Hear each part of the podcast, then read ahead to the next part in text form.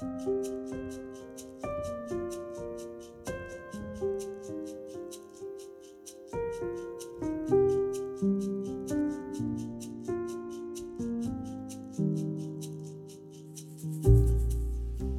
lytter. Det står skrevet i Markusevangeliet kapittel 15. Så førte de Jesus ut for å korsfeste ham, og de tvang en mann som gikk forbi, til å bære korset hans. Det var Simon fra Kyrene, far til Alexander og Rufus. Han var på vei inn fra markene. Simon fra Kyrene, hvem var han egentlig? Han var innflytter fra den romerske provinsbyen Kyrene i Nord-Afrika, i dagens Libya. Navnet hans, Shimon, røper at han tilhørte den jødiske minoriteten i Kyrene. Hva gjorde han i Jerusalem denne dagen? Var han kommet i forbindelse med påskehøytiden? Det vet vi ikke, men at han kom inn fra markene kan tyde på at han ikke bare var midlertidig i byen, han hadde funnet arbeid i sine forfedres hovedstad. Var hans kone med fra Kyrene? Vi vet i alle fall at han hadde familie. To sønner, Alexander og Rufus. Det er bare Markus av evangelistene som gir oss den detaljen. Alexander og Rufus var trolig kjente personer i urkirken, noen vil ha det til at det er den samme Rufus og hans mor, altså Simons kone, vi møter igjen mange år senere i menigheten i Roma.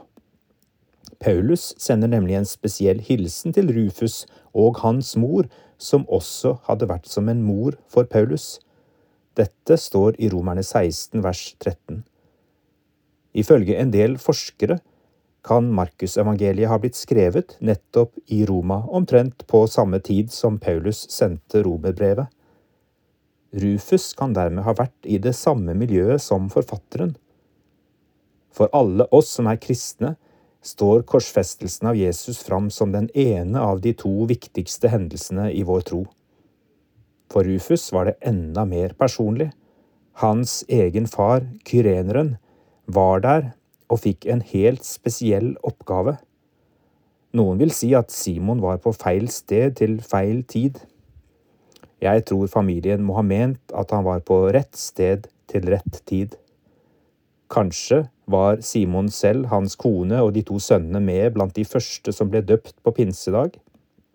Det blir ren gjetting, men det står i apostelgjerningene kapittel to at det var folk fra Libya-området mot Kyrene til stede blant tilhørerne på pinsedag, og vi hører stadig om kyrenere blant de første kristne. Det vi i alle fall må anta, er at før den lengste fredagen i historien var Simon fra Kyrene en ganske ukjent person. Det som skjedde da han kom inn fra markene den dagen, forandret hans liv for alltid og gjorde ham kjent for ettertiden. Hvorfor ble det akkurat Simon de romerske soldatene plukket ut i mengden da Jesus segnet om på veien, ute av stand til å bære den mer enn 20 kilo tunge tverrbjelken til korset videre mot Golgata. Som okkupanter kunne romerne gjøre akkurat hva de ville. Valgte de seg ut Simon fordi han var utlending i byen? Jeg tror like gjerne det var fordi han var høy og sterk. Kan de ha sett seg rundt etter noen av Jesu nærmeste disipler først? Burde ikke de ha vært der for å hjelpe sin dødsdømte venn? Ja, for det var jo en annen Simon blant de nærmeste, var det ikke? Han med tilnavnet Peter, Klippen. Nei, Peter holdt seg i skyggene denne dagen. Han var redd, feig og svak, slettes ingen klippe. For romerne var kyreneren kanskje en tilfeldig i mengden. For Simon selv ble ikke dette bare et av mange tilfeldige øyeblikk som farer forbi. Jeg er sikker på at minuttene med Jesus må ha satt varige spor både i ham og familien, da det etter hvert gikk opp for dem hvem Jesus var. Det øyeblikket da tverrbjelken til Jesu kors ble lagt på hans skuldre, det ble kyrenerens Kairos-øyeblikk. Slik definerer jeg et Kairos-øyeblikk. Det er den rette tid for vesentlige ord eller handlinger En subjektiv erfaring, ofte beskrevet som åndelig eller magisk, og som fører til et gjennombrudd med varig betydning for ett eller flere mennesker. Simon var på rett sted til rett tid, for han fikk det privilegium å bli trukket helt inn i Jesu lidelsesfortelling på en måte som ganske sikkert ble et vendepunkt i livet hans. Dette øyeblikket har også en dyp mening for alle oss andre, særlig hvis vi regner oss som mer enn bare forbipasserende, skuelystne observatører til påskedramaet. Er vi blant dem som før eller siden har blitt dratt inn i fortellingen om Jesu lidelse, død og oppstandelse, da er også Simon fra Kyrene en person vi gjerne kan ha som forbilde. Jesus hadde selv bedt disiplene om å ta sitt kors opp og følge ham. Det var et billedlig uttrykk for at det ville komme til å koste å følge Jesus. Men denne dagen var det ikke de nærmeste disiplene som gikk foran og banet vei for alle oss andre. Frem fra skyggene dukket en ukjent nordafrikaner opp. Simon fikk lov til å hjelpe Frelseren helt konkret, men jeg tenker også at det Simon gjør, symboliserer noe større.